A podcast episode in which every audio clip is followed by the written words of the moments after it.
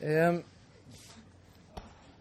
dopsyn, nattvardssyn och ämbetssyn ska det handla om den här eftermiddagen. Och några ord om kyrkans enhet. Och bakgrunden till att jag har jobbat med detta var att jag kom fram till att i de här ekumeniska tidevarven och så, så behövde vi ha en vecka här på Strandhem om kyrkans enhet och mångfald. Och det hade vi i våras. Därför att det är så mycket blandäktenskap nu mellan baptister och lutheraner och sånt. Va? Och, och alla är lika förvirrade och undrar vad ska vi göra med våra barn? Uh, och då fanns det ett behov av att fördjupa det lite. Och då tog jag på mig att studera nattvardssynen lite den veckan. Uh, och sen nu när Jakob kom och frågade om jag ville ta något här på Puls så, så sa jag att jag kunde försöka läsa in lite om dopsyn också.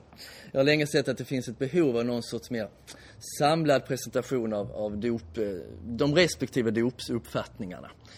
Inte minst de här paren som träffar varandra över, över samfundsgränserna har ju ett stort behov av det för deras samtal om, om hur de ska göra med dopet. Och därför sa jag att jag kan göra ett litet utkast på det också. Sen får det vara något som jag får återkomma till framöver och jobba vidare med. Men det här är mitt första embryo till, till, till den frågeställningen. Så det ska vi titta på idag. Jag ska ha en jättetråkig pedagogik. Vi ska sitta och läsa från ett litet häfte. Så ska vi göra. För det är så pass svåra saker så jag tror det är det enklaste sättet att följa med. Och det var inte läge att ha någon projektor här och så, så jag valde att göra så. Hoppas det ska gå. Ja, då börjar vi. Så får ni lyssna när jag läser i pappret. Och så får ni avbryta när ni inte orkar lyssna mer. Eller när ni vill att vi ska prata om något annat. Ja, du får springa fram. Tack. Så. Så vi ska i detta seminarium jämföra fyra olika kristna traditioner. En baptistisk, reformärt, luthersk och romersk katolsk. Och notera några saker. Hur är de organiserade? Har de pastorer, präster, biskopar eller hur ser det ut? Hur ser de på nattvarden? Hur ser de på dopet? Och sen ska vi säga något om vad som förenar alla kristna traditioner och kyrkor. Strävan mot kyrklig enhet. Så det blir eftermiddagens diskurs. Vi kastar oss väl in i det, in i baptistisk tradition och säger något om ämbetssynen i den traditionen. I en pingstkyrka eller en EFK-församling har man pastorer och ofta ett äldsteråd, men inga biskopar. Utifrån Bibeln argumenterar man för att apostlarna, när de grundade församlingarna, alltid insatte äldsteråd. De som ingick i dessa kallades både biskopar och präster eller pastorer. Orden är utbytbara och det ser vi i det här citatet i Titus 1. När jag lämnade dig kvar på Kreta var det för att du skulle ordna det som ännu återstod och i varje stad insätta äldste, presbyterer, pastor, präster, efter mina anvisningar. En sådan ska vara oförvitlig, en endast kvinnas man och ha troende barn som inte kan beskyllas för att vara ostyriga eller uppstudsiga. Församlingsledaren, episkopen, biskopen, skall som en Guds förvaltare vara oförvitlig och så vidare. Så vi ser här att präst och biskop i den apostoliska kyrkan, alltså i, den, i Nya Testamentet, är samma sak. Och då argumenterar man i, i baptistisk tradition för att den som har kyrkans högsta uppdrag är kyrkans högsta ledare. Och det högsta uppdraget är att predika ordet och förvalta sakramenten snarare än att viga präster och utöva tillsyn över församlingar. Vi har det i första Timoteusbrevet 5 och 17. Sådana äldste som sköter sin ledaruppgift bra är värd dubbel lön. Särskilt de som ägnar sina krafter åt ordet och undervisningen. Så rätten att viga och utöva ledarskap ingår i prästens och pastorns uppgifter. Det behövs inget biskopsämbete. Däremot så kan man i större regioner ha presbytera, alltså ha, ha ett presbyterium, ett prästkollegium eller någon som, som är moderator i kyrkomötet. Till exempel har man så i, i den skotska kyrkan, Church of Scotland, att man väljer en moderator på två år för kyrkomötet. Sen väljer man en ny efter de två åren. Men det är reformär tradition, det, de har samma ämbetssyn som, som en baptistisk. I den tida kyrkan fanns det inte heller några stift. Biskopen var begränsad till en församling eller stad och stod samman och underordnad med denna församlings äldsteråd. Så han motsvarar ungefär en kyrkoherde i Svenska kyrkan idag. Och det menar man då i baptistisk och även i reformär tradition ska vara det högsta ämbetet i kyrkan. Några biskopar behöver man inte ha. Det är inte nytestamentligt.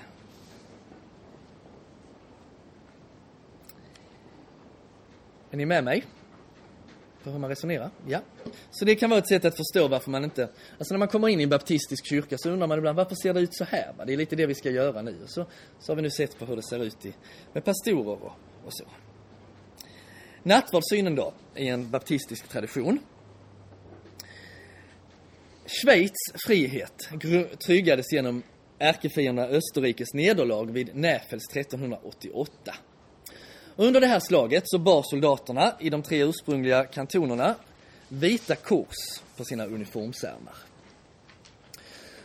Så när man sen varje år skulle fira segern genom en pilgrimsfärd till den här platsen så sydde man ett vitt kors på sina kläder. Och genom att göra det, genom att sluta upp för att prisa Gud för segern, visade man att man tillhörde det här edsförbundet och var lojal mot det. Och därigenom åmindes man den historiska segern ännu en gång och man återgav en berättelse som var full av symbolik och värderingar och som band samman gemenskapen. Och det är bakgrunden till den baptistiska synen, Svinglis syn på nattvarden. Och den återfinner vi i många av frikyrkorna. Alltså man åmindes, det är framförallt en åminnelse med en, en, en symboliskt laddad händelse. Det är liksom så man ser på dopet. Då ska vi säga två saker om dopet, synen på, eller, synen på nattvarden, ursäkta, i baptistisk tradition. Det första att brödet och vinet är djupt symboliska tecken. I Gamla Testamentet finns flera symboler. Regnbågen är en av dem. Det utgör ett fredstecken, talar om harmoni i relationen mellan människan och Gud. Vi talar ju ibland, vi säger sådär, men det där var ju bara en symbol va. Så kan vi säga ibland om någonting. Men sen finns det också händelser som är djupt symboliska. Om jag bränner USAs flagga va, så gör jag något djupt symboliskt. Och det, det är i den meningen vi ska förstå ordet symbol här. Nattvarden är på liknande sätt ett tecken eller en symbol. Den pekar bakåt mot Jesus försoningsdöd, påminner i nuet om att han, hans seger och förlåtelse gäller trots att kampen pågår. Och den pekar framåt mot den himmelska måltiden. På samma sätt som Israels folk efter utvandringen i all framtid skulle fira påsk för att påminna sig om att de var ett befriat folk, så firar vi nattvard för att påminna oss om att förkunna Jesu seger och vårt förbund med honom. Och det innebär att de här orden, detta är min kropp, de ska inte tolkas bokstavligt. Utan istället ska det vara som om jag håller upp det här fotot va. Och så säger jag, detta är min systerdotter. Precis som lärjungarna inte åt Jesus, så gör inte vi heller det i nattvarden. Utan vi snarare åskådar något av hans, hans försoning. Vi, mm, vi tar del av den.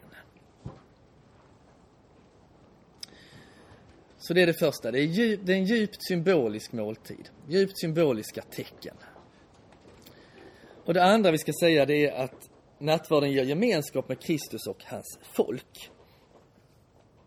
Hur uppfattar man som baptistorden välsignelsens bägare som vi välsignar? Ger den oss inte gemenskap med Kristi blod? Brödet som vi bryter, gör det oss inte, ger det oss inte gemenskap med Kristi kropp? Det är första Korinthierbrevet 10 och 16. Jo, det uppfattar man i ljuset av det som kommer därefter. Vad vill jag säga med detta? Att det som offras till avgudar är något, i, är något i sig, eller att avgudar är något? Nej, men att det som de offrar, offrar de åt demoner och inte åt Gud. Och jag vill inte att ni ska ha gemenskap med demonerna. Ni kan inte dricka både ur Herrens bägare och ur demonernas bägare. Inte äta både vid Herrens bord och vid demonernas bord. Och av detta drar baptistiska teologer slutsatsen att vinet och brödet inte ska vara inte kan vara Jesus kropp och blod. För i så fall skulle ju den som åt avgudakött äta demoner.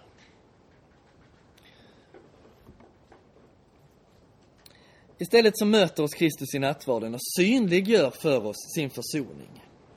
Och han möter oss i de troendes gemenskap. Den är hans kropp. Där, i de församlade trossyskonen, finns hans närvaro. Den närvaro som förenar Guds folk. Så nattvarden är i den meningen en demonstration av de band som håller samman de kristna och förenar dem med Jesus död. Så det är både en gemenskapsmåltid med alla kristna och en måltid med Jesus. Schweizarna förenades i frihet och byggandet av sin nation. Guds folk är förenade genom anden kring en korsfäst och triumferande Messias. Så det är om nattvardssynen i baptistisk tradition. Så det kan vara fint att veta när man besöker en baptistisk kyrka att, att eh, man är mån om att slå vakt att det här är djupt symboliska tecken. Men man tänker inte att man får del av Kristus kropp eller att man dricker hans blod i någon mening. Utan, utan det här är djupt symboliska tecken. Och som ger oss gemenskap med honom och med Guds folk. Så det är en symbolisk nattvardssyn, men det är inte bara en symbol, utan det är en djupt symbolisk eh, måltid. Så några ord om troendedopet. Det finns i Nya Testamentet inga exempel på dop av barn och inga uppmaningar till det, argumenterar en baptistiska teologer. Johannesdopet ges till dem som har ångrat sina synder. Dopet efter den första pingsten ges till dem som tror på Kristus, de som ångrat sin synd och tagit emot ordet. Några exempel, Apostlagärningarna 2.38. Omvänd er och låt er alla döpas i Jesu Kristi namn så att ni får förlåtelse för era synder. Då får ni den helige anden som gåva.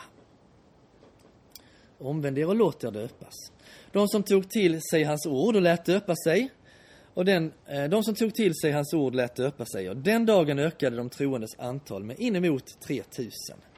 Det är Apostlagärningarna 2.41. De tog emot ordet och lät döpa sig. Apostlagärningarna 9.18. Då var det som om fjäll hade fallit från Sauls ögon och han kunde se igen. Han lät genast döpa sig. Så han kommer till tro på något vis. Va? Första Petrusbrevet 3.21. På motsvarande sätt räddas ni nu av vattnet i dopet, som inte innebär att kroppen görs ren från smuts, utan att man med gott uppsåt vänder sig till Gud.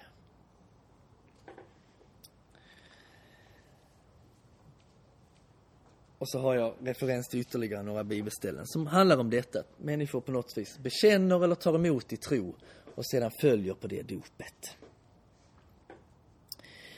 När Paulus i Romarbrevet 6, 3-4 och Kolosserbrevet 2, 12 hänvisar till dopet uppfattar han dopet som troende människors död från sitt gamla liv och pånyttfödelse och omvändelse till ett nytt liv. Men vem kan då tro på Kristus? Ja, det svaret återfinner vi i Romarbrevet 10 och 17. Den som kan ta emot det som förkunnas i en predikan. Tron kommer av predikan. Och samma svar tycks Jesus ge i missionsbefallningen om att döpa och lära. Matteus 28. Så, och det är ju någonting som ett spädbarn saknar, va? förmåga att kunna förstå förkunnelsen. Och på samma sätt är det med mottagandet av anden. Den leder till ett nytt liv där man bär andens frukt. Och det vittnar ju också om att det här handlar om vuxna människor, tänkande människor.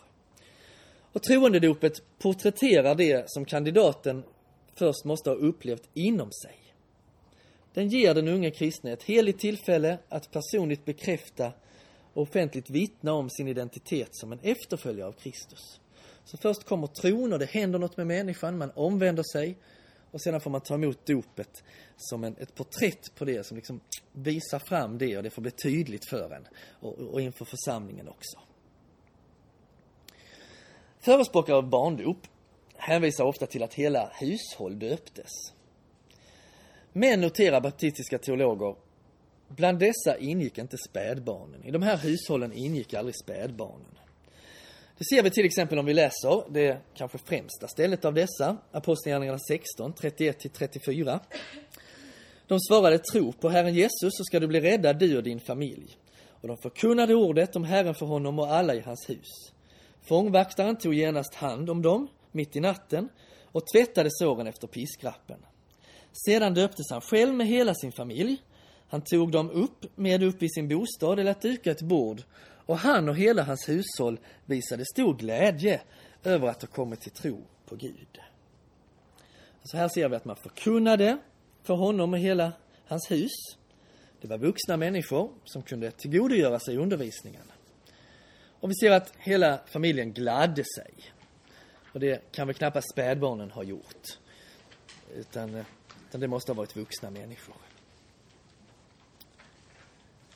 Av det förstår vi också att man döptes liksom inte på pappan i familjens tro, utan de gav själva sitt bifall, var och en i familjen som ville döpas. Vi kan se detta också, liknande mönster, i de andra texterna som handlar om hela hushåll. Till exempel Apostlagärningarna 10.48, 16 och 15, 18 och 8 och Första Korinthierbrevet 1 och 16. Så att tänka sig att spädbarn var inkluderade här, det är att lägga till någonting till texten. Det går inte att läsa ut det ur texten. Ett annat bibelställe som förespråkar av barndop och argumenterar utifrån är Apostlagärningarna 2, 37-39. Orden träffade dem i hjärtat och de frågade Petrus och de andra apostlarna, bröder vad ska vi göra? Petrus svarade, omvänd er och låt er döpas i Jesu Kristi namn, så får ni förlåtelse för era synder. Då får ni den heliga Ande som gåva. Till löftet gäller för er och era barn och alla de som är långt borta, som Herren vår Gud vill kalla. Här noterar troendedöpare att vi ser hur den heliga Ande har utgjutits och nu erbjuder folket dopet om de bara ångrar sig och låter döpa sig. Orden och alla de som är långt borta, som Herren vår Gud vill kalla, antyder, tvärt vad förespråkare av barndop hävdar, att dopet inte är en fortsättning på det gamla förbundets omskärelse. Utan nu är det något nytt som kommer, något som ska ut till hela världen, till de som är långt borta. Israel kunde man ju tillhöra, man kunde vara Eh, utan att, alltså man kunde tillhöra förbundets folk utan att vara omskuren i hjärtat, va? Att verkligen tro på det. Det gick bra. Men så är det inte nu i det nya förbundet. Nu är det liksom inte omskärelse till allt och alla. Utan här döps de som bekänner och som förtröstar på Gud. Och uttrycket er och era barn och de som är långt borta antyder att det här handlar om något annat än barndopet. Det handlar om missionens tid som, som, eh, som omfattar nya folk. Baptistiska teologer menar också att allt fler nytestamentliga forskare är överens om att man inte kan påvisa att barndopet praktiserades i apostolisk tid. Det finns inte heller, hävdar man, några säkra bevis på barndop eller spädbarnsdop i den tidiga kyrkan. Många av berättelserna, i många berättelser så säger barnet någonting, ställer en fråga eller något sånt och då anar vi att det faktiskt inte handlar om spädbarn. Utan det som gör att spädbarnsdop ändå till slut får fäste, det är att man ser det som en parallell till omskärelsen. Eh, och att man börjar uppfatta att det är nödvändigt för att få syndernas förlåtelse. Därför växer sig den praxisen stark. Och man kan anföra ytterligare några argument. Till exempel är det ju uppenbart att man döps genom nedsänkning Eh, i Nya Testamentet. Eh, Jesus dop är förmodligen genom nedsänkning. Den är ju etiopiska hovmannens dop och sådär. Så detta är en, en argumentation utifrån baptistisk tradition. Och det är ju viktigt hur man än själv tänker att, att på något sätt försöka förstå hur, hur andra tänker om man inte delar den här synen. Va? Och också lyssna på deras argument så att man inte eh, dömer ut för tidigt. För det här är, vi vet ju att det, det finns ju välmenande kristna i alla traditioner som läser Bibeln och, och ber om Andens ljus över ordet. Sen kommer man till olika slutsatser av olika skäl. Men det ska vi ha respekt för. Då lämnar vi baptistisk tradition. Så går vi till nästa kyrka. Det är den reformerta. Den återfinner vi i eh, Schweiz, i Skottland, i Holland är den stark, i USA. Teologer som John Stott står ganska nära, Sinclair Ferguson, ehm, Don Carson känner kanske några av er till. Det är några exempel på, på reformerta teologer. Förgrundsgestalten är Jean Calvin, reformatorn i Schweiz, i Genève. I Sverige finns det inte många reformerta kyrkor. Det finns en fransk reformert kyrka i Stockholm. Det finns en grupp i Tranås. i Tranås finns det Svenska Evangeliska Reformerta Kyrkan. Men eh, särskilt stark är den inte annars i Sverige. Ämbetssynen liknar den i baptistiska församlingar. Man har inga biskopar. Utan man menar att Nya Testamentet visar oss på, eh, Få en struktur där prästen eller pastoren räcker. Det finns inget biskopsämbete. Nattvardssynen, där eh, betonar man mycket starkt i reformär tradition att Kristus steg upp till himlen och eh, är begränsad i sin kropp. Han har en begränsad kropp. Men han är närvarande i kyrkan genom den helige Ande.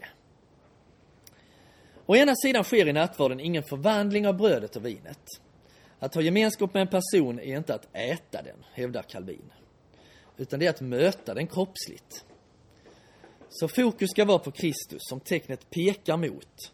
Inte på själva brödet och vinet, va? utan på Kristus som, som brödet och vinet pekar oss mot, visar oss mot. Hans försoning. Å andra sidan innebär nattvarden en verklig närvaro. Därför att anden förenar den troende med Kristus som är i himlen och ger henne del i det som brödet och vinet symboliserar. Kristus kropp och blod. Så Kristus som är i himlen föder genom anden oss som är på jorden från sin egen kropp. Så anden är kanalen genom vilket allt det som Kristus är och har förmedlas till oss. Vi äter bröd och vin med munnen, men vi får ju andligen genom tron också del av Kristus kropp och blod. Hans konkreta försoning.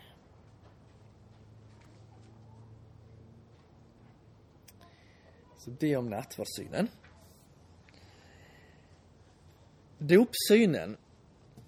Och det jag ska säga nu om reformärt dopsyn, det gäller i stort sett helt också för lutheraner, inte riktigt, men jag ska återkomma till det.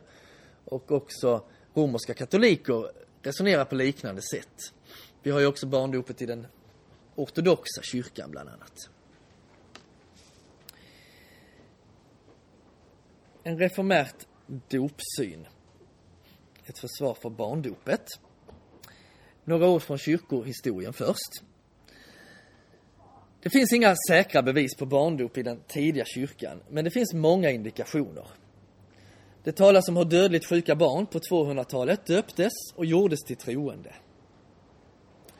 Tertullianus, som lever på 160-70-talet in på 200-talet, argumenterar för att dopet ska senare läggas så att det inte tas emot utan seriös insikt om dess betydelse. Och det indikerar ju att spädbarnsdopet var utbrett. Polycarpus talar vid tiden av sin martyrdöd, kring 155-160, om sina 86 år som kristen. Ireneus, som lever 175 till 195, talar om spädbarn som blev pånyttfödda. Origenes, som lever i början på 200-talet, menar att kyrkan mottagit traditionen att döpa spädbarn från apostlarna. Cyprianus lever från 200 in på, till mitten av 200-talet. Menar att dop ska utföras så tidigt i livet så, som det bara går. Och Hippolytus, han dog 236, skriver om dopliturgin. Och först ska de små barnen döpas och om han kan tala för sig själv ska han tala. Och om han inte kan det ska hans föräldrar eller någon släkting tala och hans vägnar. Så vi kan med säkerhet påvisa att det praktiserades barndop sedan slutet av 100-talet. Men vi vet inte hur utbrett det var. Apostlarna fick ju kämpa jättemycket för att hålla samman kyrkan. Va? Vi, såg hur, vi ser hur det de förmedlade, det blev ju också splittringar i olika kyrkor. Det skapades olika traditioner. De fick kämpa för att man skulle hålla sig till det de hade undervisat, för det blev snabbt att man avvik därifrån. Och därför är det lite svårt att säga. Spädbarnsdopet i den tidiga kyrkan, ja det fanns här och var åtminstone. Men var tanken att det skulle finnas i hela kyrkan? Det kan vi inte vara helt säkra på. Va? Det går liksom inte riktigt utifrån traditionen att med säkerhet säga att kyrkan valde den vägen. Utan bilden verkar mer brokig. Man verkar inte riktigt vara överens ens i den tidiga kyrkan om, om tiden för dopet. Och därför får vi försöka avgöra frågan genom, genom Bibeln så gott vi kan. Och vad säger då de som förespråkar barndopet? Jo, de säger att dopet är ett förbundstecken. Efter den förfärliga syndafloden som vi såg tidigare så ger Gud Noa regnbågen som ett tecken om att det aldrig mer ska upprepas. Och tecknet det ges ju inte till Noa. Det är inte så att han säger Noa när du ser det här regnbågen så ska du tänka på förbundet. Utan han säger när jag ser regnbågen så ska jag tänka på förbundet. Det är Gud som tänker på förbundet när han ser regnbågen. Så det är ett tecken på hans nåd, ett tecken på, på den frid som han vill ge. Men i förlängningen var det också ett tecken för Noa. Ett tecken på det löftet han hade fått, att det här aldrig mer ska hända igen. En besegling av det löftet. På samma sätt med omskärelsen, med sabbaten. Det var liksom sigill eller beseglingar av Guds löften. Och de här förbunden etablerades av Gud. Folket kallades därefter att svara på dem. Gud börjar med att befria från slaveri från Egypten och sen ger han budorden. På samma sätt med omskärelsen. Och det är den första av tre paralleller som vi ska titta på här, som vi ska nämna när vi talar om dopet. Omskärelsen betecknade inte själva tron, utan den gudomliga aktivitet och nåd som mottagaren var kallad att svara på. Ni ska skära bort förhuden och detta ska vara tecknet på förbundet mellan mig och er. Första Mosebok 17 och 11. På samma sätt är dopet, som vi ska se, ett nådesförbund, ett uttryck för Guds handlande genom Kristus, snarare än den troendes svar på detta. Så det är den första parallellen vi ser, va? att omskärelsen och dopet har en parallell på det sättet att det är eh, uttryck för, för vad Gud gör med en människa. Ett tecken som han ger till människan. En andra parallell är den symbolik som omskärelsen och dopet delar.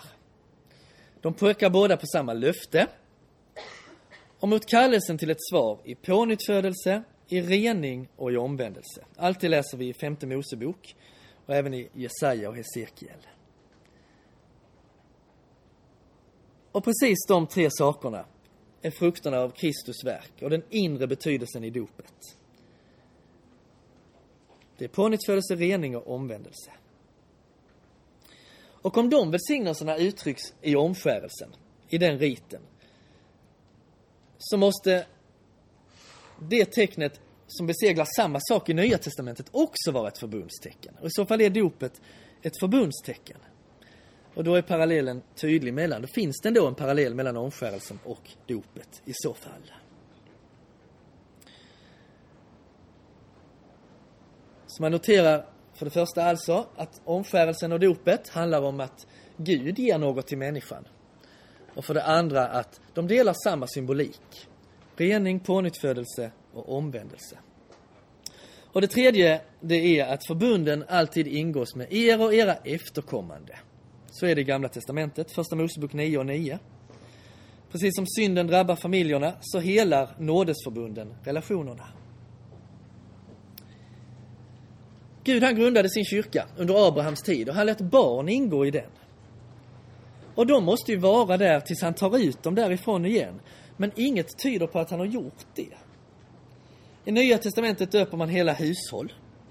Man har samma kollektiva familjebegrepp som under Gamla förbundet. Ni barn, lyd era föräldrar. För Herrens skull, det är er skyldighet, Efesierbrevet 6.1. Låt barnen komma till mig jag hindrar dem inte, Guds rike tillhör sådana som dem. Markus 10 och 14. Om Nya Testamentets författare hade uppfattat att förbundet nu inte längre omfattade de små barnen så borde man ju ha undvikit alla de här förbundsuttrycken. Löftet gäller er och era barn. Och det är också svårt att förstå hur Johannes döparen kan liksom spritta till där i sin mors mage om det inte kan hända något även med de små spädbarnen. Så det är ett stråk i, i argumentationen hos de som förespråkar barndopet. Att parallellen är stark mellan omskärelsen och, och dopet. Det gäller er och era efterkommande. För förbundet har alltid gällt alla. Det andra man trycker på det är att dopet ger det som det symboliserar. Dopet är ett tecken på Kristus, vad han har gjort, på allt som finns i honom som vi får ta emot i tro. Och det pekar oss mot det som Kristus är i oss, vill göra i oss, och allt vi ska bli i honom. Och vi döps in i Kristus död, så står det i Nya Testamentet, Romarbrevet 6. Vi förenas med honom. Är ni döpta in i Kristus har ni också iklätt er Kristus, Galaterbrevet 3.27. Så det innebär att dopet är mer än en symbolisk rit. I Andens kraft kommuniceras han som beskrivs i både det yttre tecknet i vattnet och i det som prästen säger och de bibelord han läser. Vanligt vatten blir frälsande när det förenas med Guds ord. När man talar om sakrament i protestantisk tradition så säger man ibland att i ett sakrament så sker det att genom synliga och jordiska ting, vatten, bröd och vin, Jesus himmelska och osynliga nådegåvor. Det är ett bra sätt att komma ihåg vad ett sakrament är. Va? Genom synliga och jordiska ting Jesus himmelska och osynliga nådegåvor. Man talar också om det som evangelium i handlingens form. Så här får vi ta emot evangeliet. Sakramentet är evangeliet som vi tar emot i, i handling, i ett sånt uttryck. Så de syftar till att visa fram Kristus som frälsare och fullkomna i oss de skatter som vi har i honom. Allt det vi har i Kristus får vi ta emot i sakramentet. Det är inte så att vi får Kristus bättre i sakramenten, men vi får honom på ett konkret och, och tydligt sätt. Det finns i reformär tradition och i de andra traditionerna där man förespråkar barndop, ja det gäller ju också troendedop, men i synnerhet kanske den som förespråkar barndop, så lyfter man fram att det är en stor tröst i dopet. Martin Luther vacklade i tron ibland och då sa han till sig själv Baptizatus sum. Jag är en döpt människa. Och så föll han tillbaka på det. Kristus sa ja till mig i dopet. Det var inte jag som sa ja till honom i första hand i dopet, va? utan det var han som tog mig i sin famn.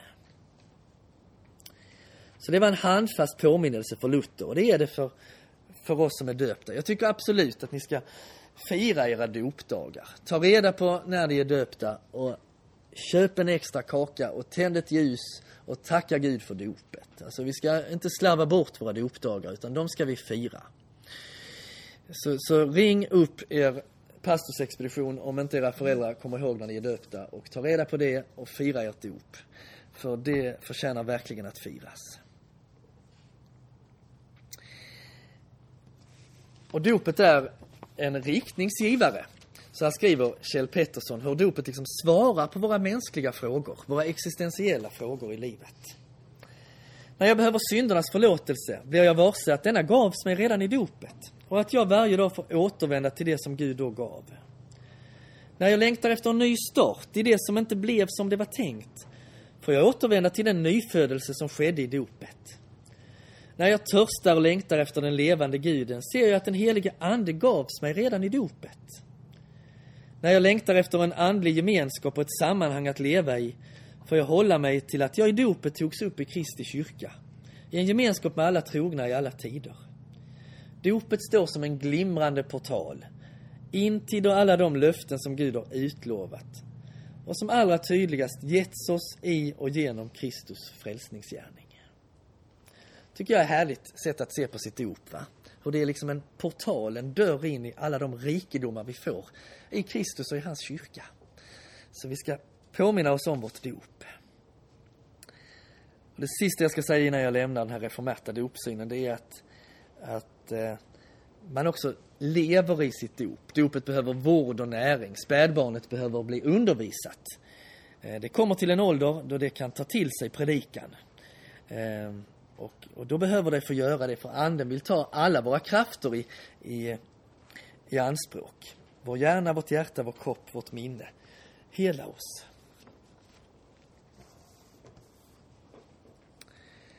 Hänger ni med ungefär på hur man tänker i baptistisk reformer, respektive reformärt eller barndopstradition? Ja? Finns det några? Ja, han är en luthersk teolog. Präst och doktor från Småland. Nu bor han i Hässelby i Stockholm. Mm. Det är hyfsat klart. Bra. Jag fortsätter lite till, sen ska vi sträcka på oss. Men vi ska säga någonting om luthersk tradition.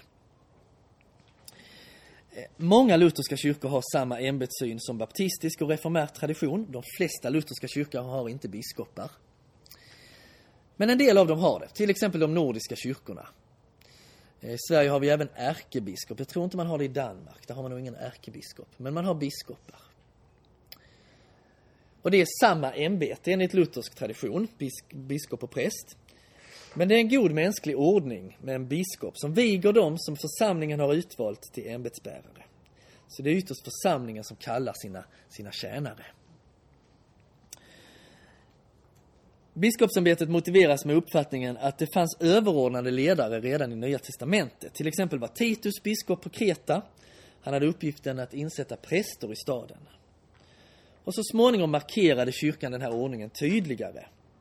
När det blev flera församlingar i samma stad så uppstod det splittringar och spänningar och då valde man mellan sig en biskop som skulle ha uppseende över dem alla. Men vi ser här att även Luthers tradition är helt med på att det från början var en stad. Va? Att biskopen motsvarade en kyrkoherde. Man hade en biskop i en församling eller en stad. Det var inte några stift. Det kommer senare. Biskopen då, vad har han för uppgift? Jo, han är den främste pastorn, den främste bland jämlikar.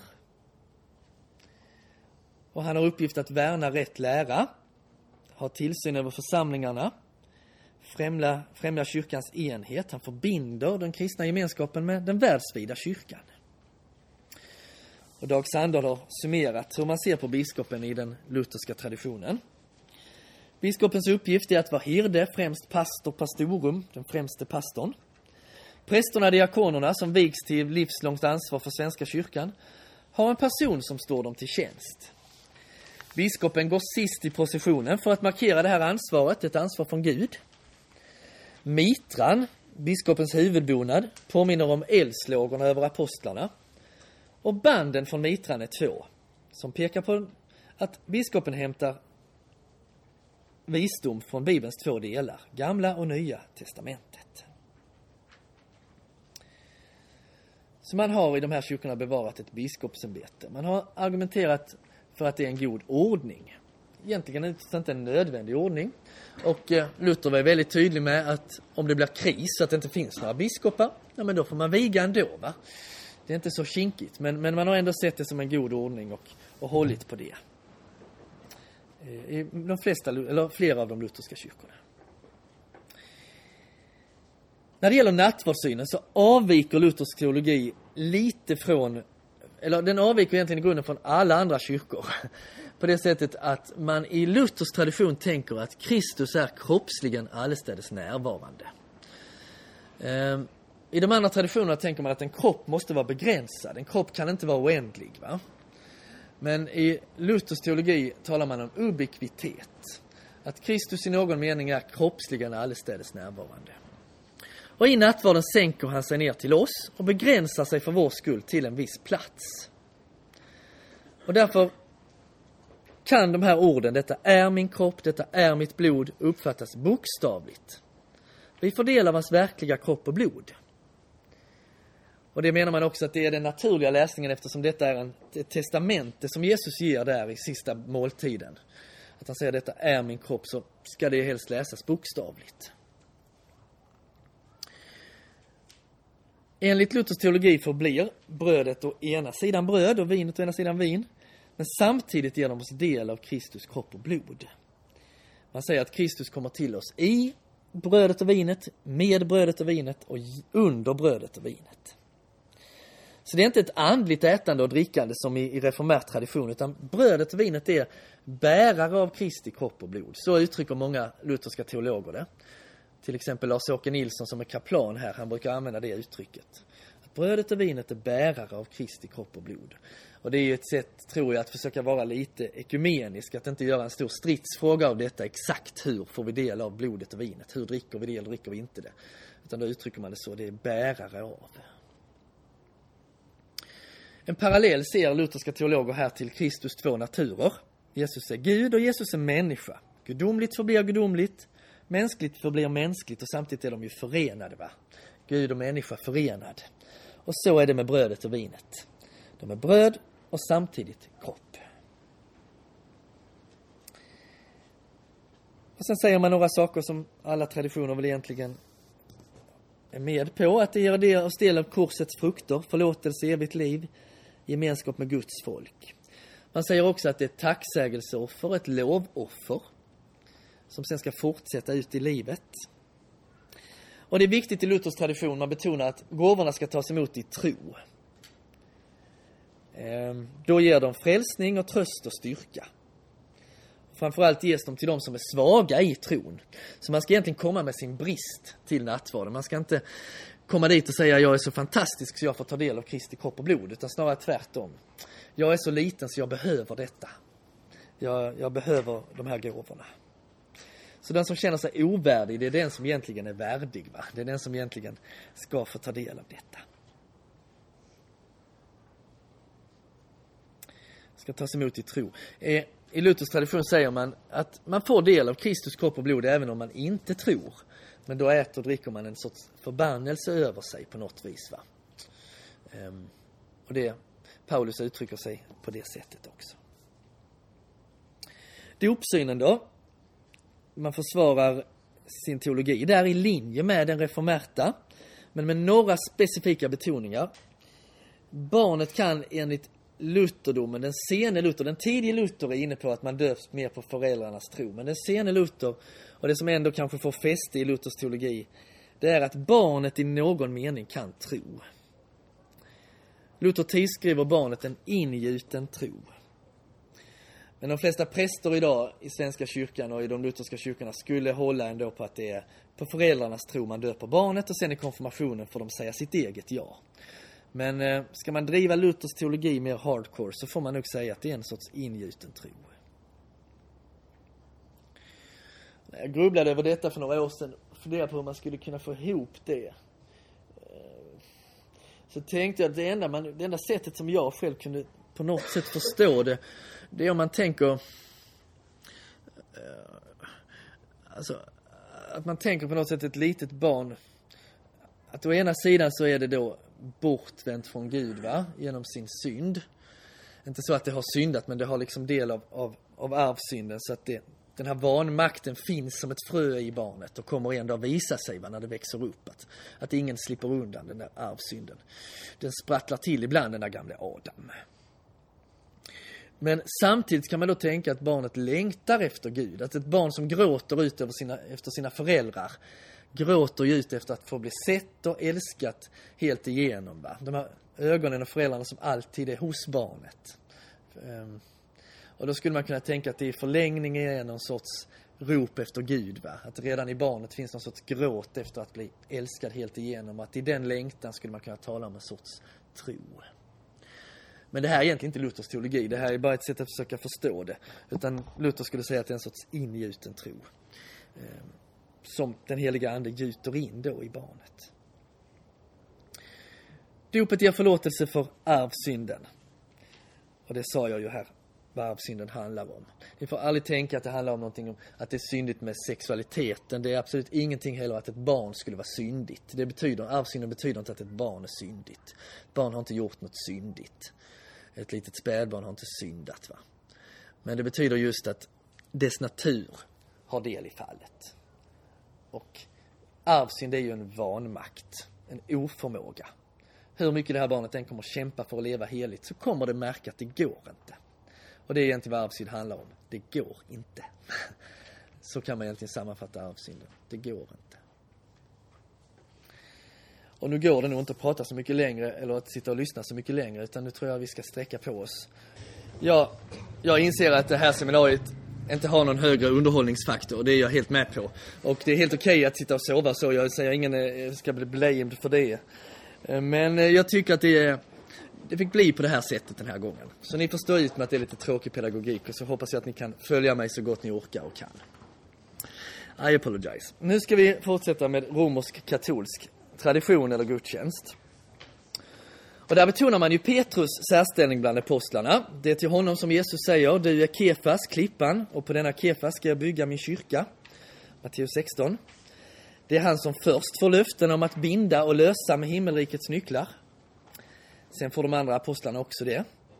Han är den självklara ledaren bland de tolv. Det är han som predikar på pingstdagen till exempel. Helt självklart att det är han. Och det är väl egentligen alla överens om, att han har en sorts särställning bland apostlarna. Petrus har en mycket speciell ställning. En präst är en nådens tjänare som handlar å Kristi vägnar. En biskop är apostlarnas efterträdare. I en apostolisk succession, vigningen går från generation till generation. och de fullbordar då apostlarnas verk.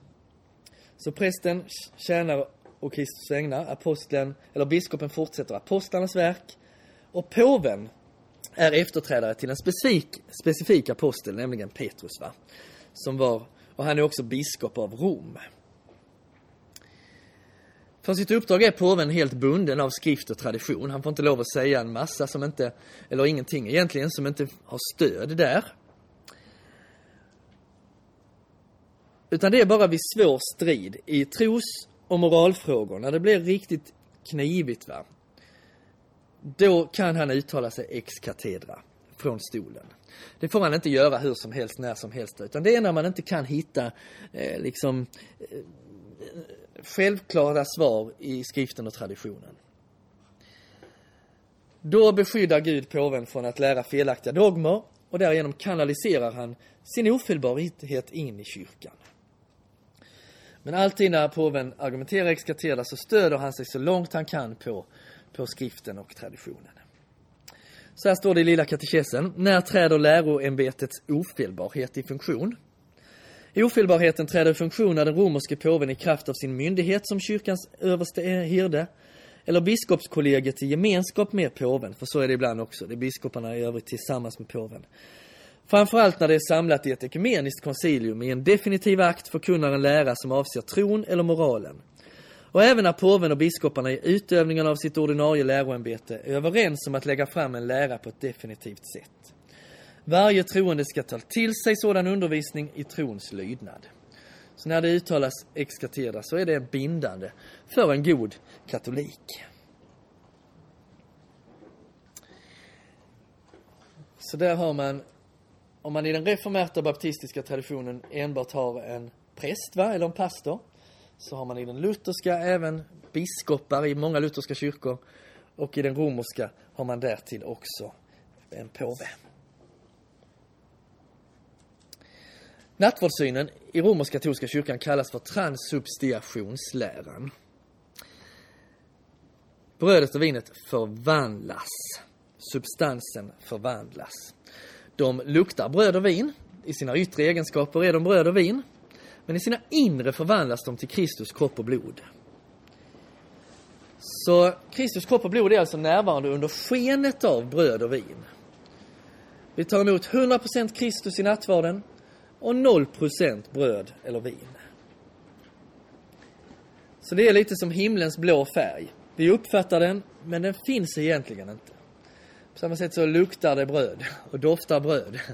inte mycket, men lite va. Och, och vin. Eh, men det är liksom en synvilla, för det här är Kristus. Vi läser i katekesen, i den stora katolska kyrkans katekes, sidan 398. Genom konsekretionen av bröd och vin sker en förändring av brödets hela substans till Kristi, vår Herres kroppssubstans, och av vinets hela substans till hans blod. Denna förändring kallar den katolska kyrkan vid en lämplig och riktig term för transsubstiation.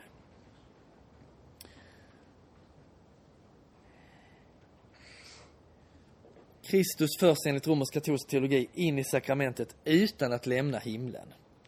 Och hans närvaro förverkligas på många platser samtidigt. Där har vi samma som i reformär tradition.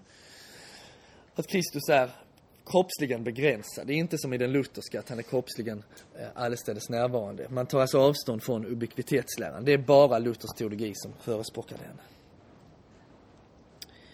Man uppfattar också eukaristin, tacksägelsen här, som ett offer. Nattvarden är ett offer. Kristus offrar sig i nattvarden som offergåva till Gud. Nattvarden representerar korsoffret därför att den är en åminnelse av det och därför att den fördelar dess frukt. Så här skriver man. En och samma Kristus som på korset frambar sitt blodiga offer är verkligen närvarande i det gudomliga offer som äger rum i mässan. Han offras här på ett oblodigt sätt.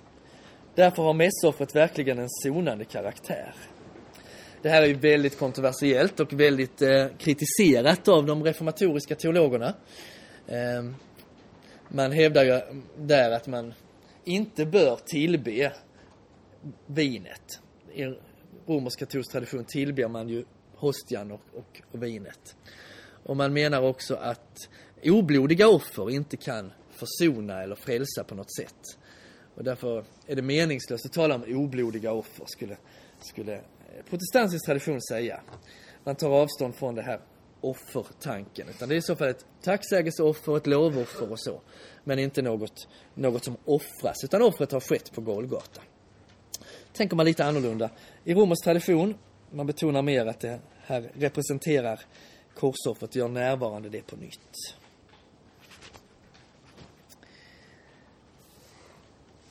Och så menar man också att det i nattvarden finns en kallelse att låta sitt eget liv bli ett offer.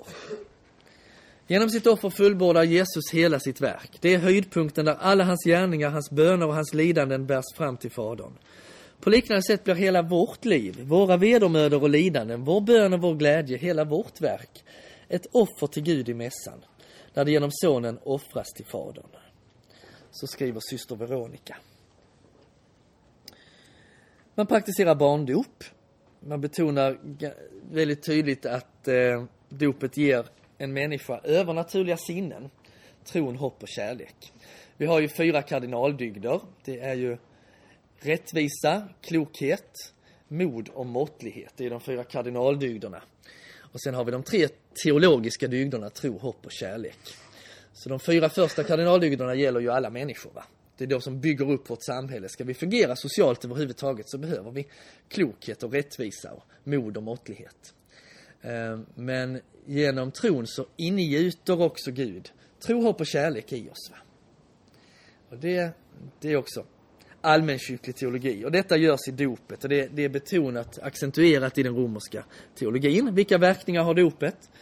Skriver man, i, frågar man sig i den lilla katekesen och svarar dopet tar bort arvsynden, förlåter alla personliga synder och de straff som synden för med sig. Den ger delaktighet i Guds treeniga liv genom den heliggörande nåden, den rättfärdiggörande nåd som inlemmar den döpte i Kristus och hans kyrka. Den ger delaktighet i Kristi prästadöme och bildar grunden för gemenskapen med alla kristna. Det ingjuter de teologala dygderna och den heliga Andes gåvor. Den döpta människan tillhör Kristus för alltid. Hon är ju tecknad med Kristi outplånliga insegel eller prägel. Så det sker verkligen någonting i dopet, enligt romersk teologi. Det sker väldigt mycket i dopet. Det är inte bara en symbol, utan här sker väldigt mycket. Och eh, det är nog inte så kontroversiellt egentligen. Nej, inte så stor skillnad där. Eh, egentligen inte. Men det är väl mycket, i romerska katolska kyrkan är det ju väldigt mycket att du genom dopet blir en del av kyrkan. Va? Och det, eh, det är väldigt viktigt. Om protestantisk tradition har talat mer om mig och min Jesus så är det ju romerska mycket viktigare, eller det är mycket mer accentuerat att bli en del av kyrkan. Och, då, och sen fira mässa. Varje vecka i alla fall va. Varje dag om det är optimalt. Mm.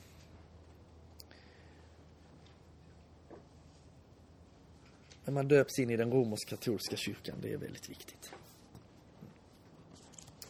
Så, då har vi sett på de fyra traditionerna.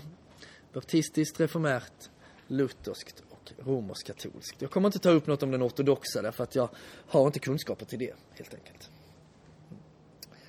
Ni får fråga Johannes Börjesson om ni vill veta mer om den kyrkan. Jag ska säga någonting om kyrkans enhet också. Jag hoppas vi... Ja, vi kommer inte ha mycket tid för samtal, men, men något kanske vi hinner med. Enheten i kyrkans enhet är en andlig enhet. Genom tron tillhör alla kristna samma fader, de är befriade av samma frälsare, de har samma heliga ande inneboende i sig. Och vi är sammanfogade i en kropp. Paulus tar ju den bilden, den hämtar han från, från en politisk skrift från sin egen tid. Där eh, kroppen blir, hamnar i konflikt med magen. Och man bestämmer sig för att suga ut magen och handen vägrar föra mat till munnen för att magen ska minsann inte få något. Så efter ett tag är hela kroppen helt slut och tvingas ge upp sin utpressning och komma igång igen och ge näring. Va? För det kommer ingen näring ut till kroppen om inte magen får, får mat. Där, där tar Paulus vid på något vis och vidareutvecklar den tanken. Och det är lite i den, det sammanhanget vi kan förstå de här orden. Ögat kan inte säga till handen, jag behöver dig inte och inte huvudet till fötterna, jag behöver er inte. Det funkar helt enkelt inte. Vi hör ihop eh, som Kristus kropp. Vi är inte uppmanade att skapa någon enhet. Som jag sa, så har vi den redan i Kristus genom tron. Utan vi ska bevara och vi ska praktisera och vi ska synliggöra vår enhet i världen. Genom en förnyad och en djup gemenskap med våra trossyskon. Johannes 17 och 11. Helige Fader, bevara dem i ditt namn som du har gett mig, så att de blir ett liksom vi är ett. Bevara dem, va? Betoningen ligger där. Efesierbrevet 4 och 3. Sträva efter att med friden som band bevara den heliga, eller den andliga enheten. Och det sker i församlingen genom undervisningen i läran. Ämbetsbärarna ska vägleda genom biblisk förkunnelse. Och församlingen får pröva den. Efesierbrevet 3, 17-19. Stå fasta och var stadigt rotade i honom så att ni tillsammans med alla de heliga förmår fatta bredden och längden och höjden och djupet och lära känna Kristi kärlek som är väldigare än all kunskap tills hela Guds fullhet uppfyller er. Alltså, tillsammans med alla de heliga för att vi ska uppfyllas av Kristus kunskap. Det är liksom, vi är förenade i någonting, vi tror någonting, vi bekänner någonting tillsammans. Och så är det en enhet i kärleken. Ett nytt bud ger jag er, ni ska älska varandra. Så som jag har älskat er ska ni älska varandra. Alla ska förstå att ni är mina lärjungar om ni visar varandra kärlek. Johannes 13, 34-35. John Owen har liknat församlingsmedlemmarna vid olika pinnar som man hittar i skogen och som spretar åt olika håll och man vet inte riktigt hur man ska få ihop dem. Va? Och så säger han man måste ta ett snöre då och binda ihop dem, ett band, så binder man ihop de här pinnarna och så kan man ta med sig dem hem och, och elda med dem. Eh, och så är det ju i kyrkan, det finns så många knäppa människor i kyrkan helt enkelt. Va? Alla möjliga typer möter vi i kyrkan. Eh, och det är fantastiskt, men det gör också att det kan bli svårt att enas ibland och hitta enheten. Och därför behöver vi kärleken som ett rep som binder samman oss. Kolosserbrevet 3 och 14 skriver Paulus om kärleken som det band som ger fullkomlighet. Så i hela kyrkans brokighet så är det undervisningen i läran och kärleken som håller ihop oss. Kärleken tar många uttryck. Ett av dem är lyssnandet. Det börjar ju alltid i lyssnandet. Precis som vi lyssnar till Kristus och Guds ord så börjar vi i kärleken med att lyssna till vår nästa, att höra på honom. Ett annat uttryck är fördragsamhet. Utan den så kan vi inte ha tålamod med varandra. Kyrkan kan inte hålla samman. Förlåtelse är ett uttryck för kärleken. Det som djupast skiljer oss åt är synden, vårt hjärtas begränsning och oförmåga att älska, skriver Ylva Eggehorn. Och det som förenar oss, det är Kristus, försoningen, såren i hans händer. Att eh, visa omsorg och dela med varandra är ett fjärde uttryck för kärleken. Att se de andra, att glädjas över vilka de är, att lära känna dem. Att be för andra, välsigna dem, utöva koinonia, gemenskap och delande av allt gott. Att tänka ut sätt att visa kärlek alldeles konkret och framförallt att be med varandra och börja inifrån vår gemenskap. Det är ju väldigt egentligen tufft när Jesus skriver sådär vad är det han skriver nu? Eller det, jag vet inte vem det är, men om det är Paulus. Um, gråt med dem som gråter och glädjer med dem som gläder sig. Alltså det kräver ju väldigt mycket av oss. Att glädja sig med den som glädjer sig, det kräver ju väldigt mycket ödmjukhet. Att inte bli avundsjuk, utan kunna glädja mig över det du har fått. Det är inte alltid så lätt, va? Vi ser gärna till vårt eget och liknande. Att gråta med den som gråter, det kräver ju väldigt mycket mod. En människa som verkligen har det svårt, ja då blir vi ju lätt rädda, avskärmar oss har svårt att delta i dess kamp. Va? Det är inte lätt att gråta med den som gråter. Det är mycket bekvämare liksom att bara säga något och gå därifrån. Så det är ju, men det är ju kärlekens uttryck, det här delandet som, som Bengt Holberg skriver om här i det här citatet. Att be tillsammans, att välsigna varandra, att dela allt som är gott. Att glädjas över vilka de andra är. Så får vi komma ihåg vad biskopen Esbjörn Hagberg har skrivit att ju mer vi berättar för varandra om vår litenhet, desto mer växer vi i varandras ögon. Den andra blir större, viktigare och lättare att älska. Det tror vi ju inte alltid att det är så. Vi tänker ju väldigt lätt, vi döljer ju väldigt lätt sidor av oss själva för vi tänker att vi kan inte bli älskade om de ser mig med detta, med denna taffligheten eller bristen. Men ändå vet vi ju någonstans att det faktiskt ofta är tvärtom. När vi vågar blotta vår litenhet så, så blir vi nästan enklare att älska, eller vi blir lättare att älska. Så det får vi hämta kraft ifrån och mod ifrån. Vi behöver kristen gemenskap. Vi behöver det för att vi ska få ta emot den hjälp som Gud vill ge oss och för att vi rätt ska få dela Kristus kärlek. Det här är faktiskt väldigt viktigt. Vi måste rätt få dela Kristus kärlek. Det vi har fått ta emot, det måste vi få dela. Och vi behöver få ta emot från andra. Så det är om församlingen. Nu är den ju också kopplad samman med den världsvida kyrkan. De olika samfunden hör samman genom dopet och tron och kyrkans bekännelse. Och vi känner igen våra trossyskon på hur de ställer sig till det centrala i tron. Att Gud har blivit människa i Kristus, korsets nödvändighet, Bibeln som Guds ord och löfte. Paulus skriver, bland det första jag förde vidare till er var detta som jag själv hade tagit emot. Att Kristus dog för våra synder enligt skrifterna, att han blev begravd, att han uppstod på tredje dagen i enlighet med skrifterna, att han visade för, sig för Kefas och sedan för de tolv. Så här har vi eh, hans korsdöd, vi har skriften som uppenbarelsen, vi har hans uppståndelse. Alltså det är centrala saker som förenar alla kristna. Och denna enhet ska varje församling värna. Lider en kroppsdel så lider alla de andra. Blir en hedrad så gläder sig alla de andra. Första Korinthierbrevet 12.26. Och därför ska förkunnelsen förmedla Bibelns lära, kyrkans samlade erfarenhet, inte bara pastorns egna tankar. Ämbetet är en tjänst för hela kyrkan. Man är inte bara präst i sin församling utan man tjänar ju indirekt alla kristna. Det vet vi att det fungerar så. Vi fostrar barn och ungdomar i våra församlingar som sen sprids till andra ställen och får göra insatser. Man är präst för, för alla kristna och inte bara för en visst område eller en viss församling, även om man har ett fokus på dem. Sakramenten, ja den ska vi förvalta med respekt för andra traditioner och inte skapa våra egna mönster som inte känns igen av andra kristna som besöker oss, utan vi står i enhet med dem.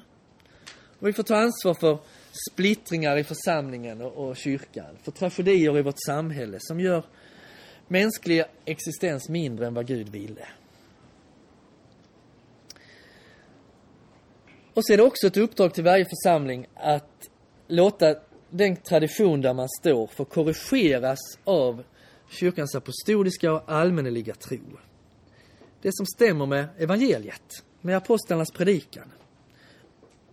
Så att ha ekumenisk dialog, det handlar inte om att förhandla utan det handlar om att fördjupas. Att tillsammans försöka fördjupa sig i Guds ord, att tillägna sig den på ett bättre sätt. Det är inte att börja köpslå och be folk att förändra sig så att de passar bättre i vår mall. Och så, om vi ger upp vår dopsyn så gör ni upp er nattvardssyn och så funkar det. Det är inte så, utan nu möts vi och så fördjupas vi tillsammans och lär av varandra. Och jag har kommit fram till att man bör ha i alla fall för mig är det det enda förhållningssätt jag kan ha till min egen lutherska tradition. Det är ett sympatiskt kritiskt förhållningssätt. Alltså jag kan inte försvara allt och jag vill inte förkasta allt. Utan jag vill vara sympatisk, annars skulle jag inte varit, verkat i den här rörelsen eller i den lutherska traditionen. På något sätt måste jag tycka här, här har man hittat saker som är riktigt bra. Jag måste vara sympatisk. Och samtidigt måste jag också vara kritisk. Jag tycker det är helt förfärligt att samtala med människor som bara säger att nej men, vi har rätt i allt. Det blir liksom ingen dialog då. Utan sympatisk i grunden, men också kunna säga, ja här har ni upptäckt någonting. Jag träffade en gång en reformärt präst som sa att ja men jag förespråkar inte biskopar själv. Jag tycker att det är, det är bättre att ha en moderator som är där på två år och så byter man, så, så byter man en efter två år och så Nej, man behöver inte biskopar. Men jag tycker det här med biskopar har sin styrka, just att ni får en helt annan kontinuitet. Plötsligt kunde vi mötas och ha en samtal. Va? För han kunde säga, men jag tror ju på det som min, mitt samfund står för. Men jag förstår ju hur ni tänker. Så kunde vi ha ett samtal om det. Det är ju en helt annan hållning. Då går det ju att, att både vara sympatisk i sitt sammanhang och sen säga, men det är en brist att vi inte har större kontinuitet. Jag tyckte det var fint. Vi försöker tala öppet och nyanserat om det som samstämmer med vår tro och andra samfund, så också det som särskiljer oss. Vi gläder oss över att ta vara på det som är viktigt och värdefullt i vår egen tradition, men erkänner också bristerna och lyssnar och lär av andra. Och det finns ett områden, inte minst där andra traditioner har förvaltat arvet bättre än vad vi har gjort. det måste vi nog inse att, som Paulus säger, att vår kunskap är begränsad. Den är ett styckverk, står det i andra översättningar. Alltså, ingen av oss är facit. Vi behöver alla lära oss. Och hemligheten med människor som kan väldigt mycket, det är ju ofta att de är ödmjuka. Att de vet vad de kan och därför vet de också allt de inte kan. Och så fortsätter de hela tiden att lyssna på andra och lära av andra. Och därför växer de i sin vishet. Jag ska avsluta med att eh, återge vad Christian Brav ger, ett utkast som han ger till hur man skulle kunna få igång en, ett öppnande och ett gott samtal mellan olika kyrkotraditioner. Och det här är summerat av Lars-Åke Nilsson i senaste numret av Begrunda, som är en fördjupningsbilaga till vår samfundstidning Till liv. Och det är en mycket läsvärd artikel om, om kyrkans enhet och ekumenik. Han ger bara ett utkast till hur man skulle kunna, kunna gå tillväga. Christian Brav. Vi samlas kring trosbekännelsen som en sammanfattning av Bibeln. Vi möter varandra som bekännare av att Jesus är Herren. Sen har vi en förväntan på att de andra har något att dela med sig av. Vi bortser från deras misstag och brister och längtar efter att få del av vad Gud gett just dem. Vi är taktfulla och avstår från att beröra det som är smärtsamt för de andra. Blicken på Jesus gör att vi kan leva med varandras brister utan att tappa balansen. Nästa viktiga drag är generositet. Det betyder att vi vill varandra väl, ställer upp, stöttar och ger varandra utrymme. Vi accepterar tills vidare våra olikheter utan att låta dem leda till konflikt. I tillit till att Gud ska skapa öppningar och leda oss fram till lösningar när vi lever tillsammans i bön och bekännelse. Och i medvetande om att enhetens väg är lång praktiserar vi tålamod. En viktig förutsättning är ärlighet. Det handlar inte om att värva andra. Den primära kallelsen för var och en måste, utom i undantagsfall, vara att i just sin kyrka vara ett redskap för Andens verk, den stora enheten kring Kristus. Alltså, Samling kring det centrala och gemensamma. Förväntan, taktfullhet, generositet, tålamod och ärlighet. Är inte detta en tänkvärd modell för ekumenik? Frågar sig Lars-Åke Nilsson utifrån Christian Bravs artikel. Nu har ni varit duktiga. och min klocka är 53 så vi har sju minuter på oss ifall någon vill ta upp någonting eller kommentera någonting. Varsågod. Nej, du, du jagar bara en fluga där. Ja, okej. Okay.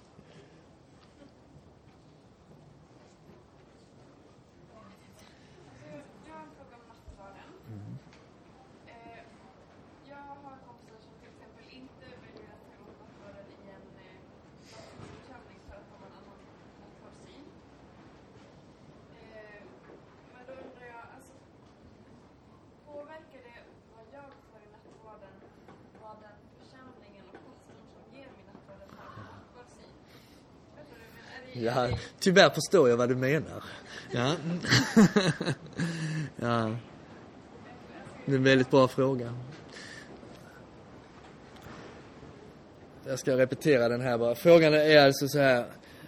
Påverkar, alltså om jag kommer till, vissa, vissa tar inte emot nattvarden till exempel, en, om man är lutheran så kanske man inte gör det i en baptistisk kyrka för man tänker att de har inte samma nattvardssyn, de tänker inte att man får del av Kristus kropp och blod konkret. Och om man då men om man då tar emot den trots allt, vad får man då del av?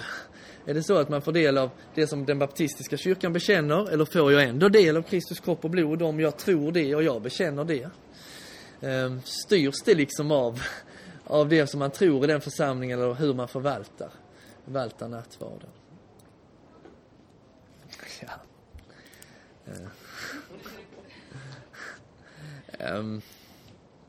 Alltså jag tar själv emot nattvarden i baptistiska kyrkor när jag besöker dem. Jag har inte haft några skrupler för det. Um, utan jag tänker när instiftelseorden är lästa och så, då får jag ju del av det som nattvarden ger oavsett vad. Och, och sen, men sen är det viktigt vad man själv tror, va? för det är ändå det som det påverkar ju naturligtvis i, sitt, i hur man tar emot nattvarden.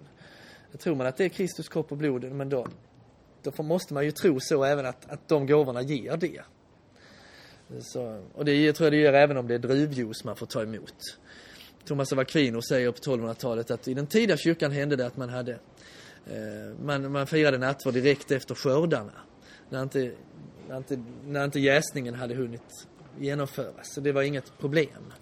Så att det är inte så kinkigt tror jag som vissa vill göra det till. Men ni får gärna ha tankar kring detta för det här är en mycket svår fråga. Jag har inget svar. Samuel, du brukar ha något klokt att säga. Ja, jag tänker, kan man tänka att eh, det finns ingenting som inte får äta, röra eller göra, men om någon för sitt samvete skulle vilja avstå från någonting så skull. Om man skulle gå med några kompisar så skulle man ligga lite lågt Jag kanske. försökte hitta någonting i Bibeln bara, liksom, Ja, just det. Ja, ja. och då skriver Paulus något sånt. Ja. Så egentligen finns det inget som inte får äta, Nej. eller göra. Men vissa vill ändå för sitt samvete skulle avstå från vissa saker. Jo, men alltså tänk... Till det. Ja. Alltså det är ju det att det är en enhetens måltid också. Är man, om man väldigt, väldigt starkt betonar att när jag håller ett bröd så är det kött och inget annat. Va? Jag äter kött och bröd när jag äter detta. Då kan man tycka att det är jobbigt att gå till en baptistisk kyrka och fira, fira nattvard med människor som bara tycker att det är bröd. Eh, det känns liksom lite McDonalds nattvard kanske man tycker. Och, och då, då känner man att nej men det, det är ingen riktig enhet i den här frågan. Och på grund av det så vill jag inte riktigt ta del i det. Jag tror det är ofta så man, man känner och tänker. All respekt för det. All respekt för det. Du, mm.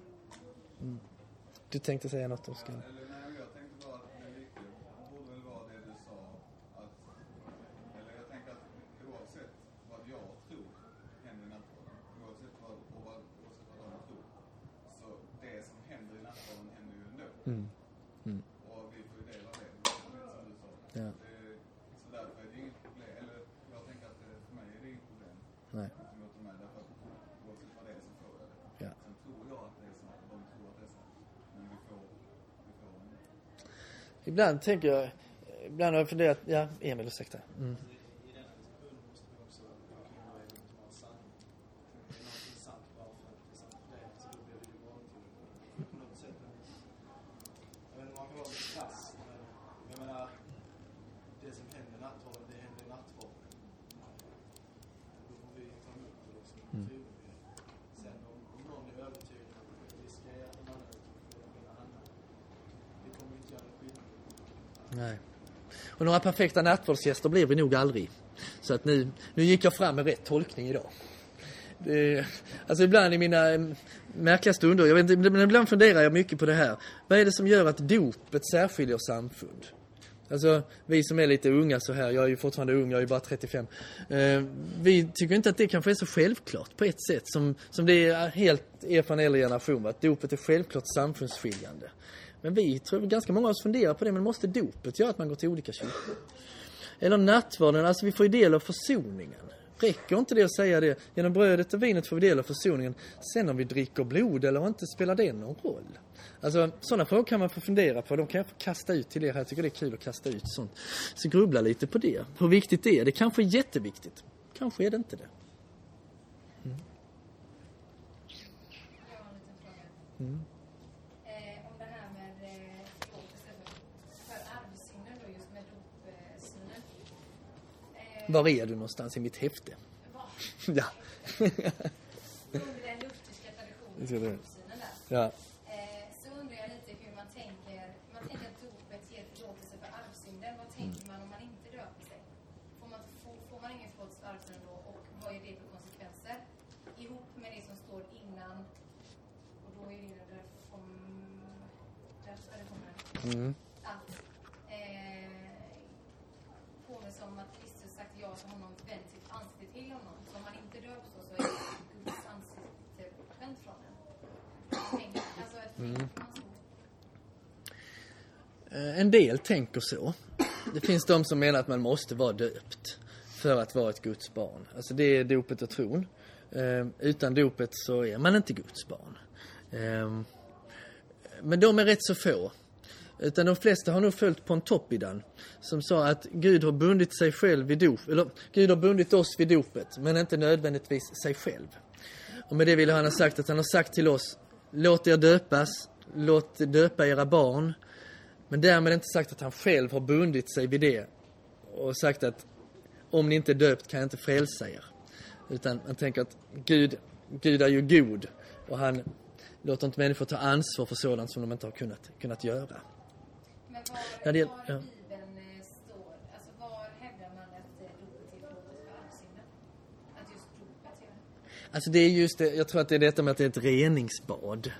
Ehm, och eh, arvsynden handlar ju om vår syndiga natur. Så att vi blir befriade från arvsyndens skuld. Inte från arvsyndens verkningar och kraft. Den lever ju kvar i oss hela livet. Va? Men arvsyndens skuld, vi blir helt enkelt förlåtna för all synd. Både för vår fördärvade natur och för våra verksynder, de synder vi gör. skillnaden då? Om jag inte, alltså var, var, jag kanske är trött. Nej. Men vad är skillnaden då om man, om man har den synen? Vad tänker då händer för de som inte döps när man är liten? Vad är det man, vad är det man går med fram till man kanske är 20 år när man Mm. väljer att göra en vuxendop? Vad är det man har som är jättehemskt att ha? Som eh, på något sätt då ska få konsekvenser för en? Eller, Ja. Alltså den som går riktigt långt skulle säga att man har arvsynden kvar. Man har, man har en oförlåten syndig natur. Ja. Som innebär, skulle den innebära någonting om man skulle dö? Ja, evig fördömelse. Ja. De som har små grupper kan kila iväg klockrutterna för de är inte med. Men resten får gärna stanna kvar och samtala längre. Det får de klara sig. Tack ska du ha. Ja visst, det var så lite.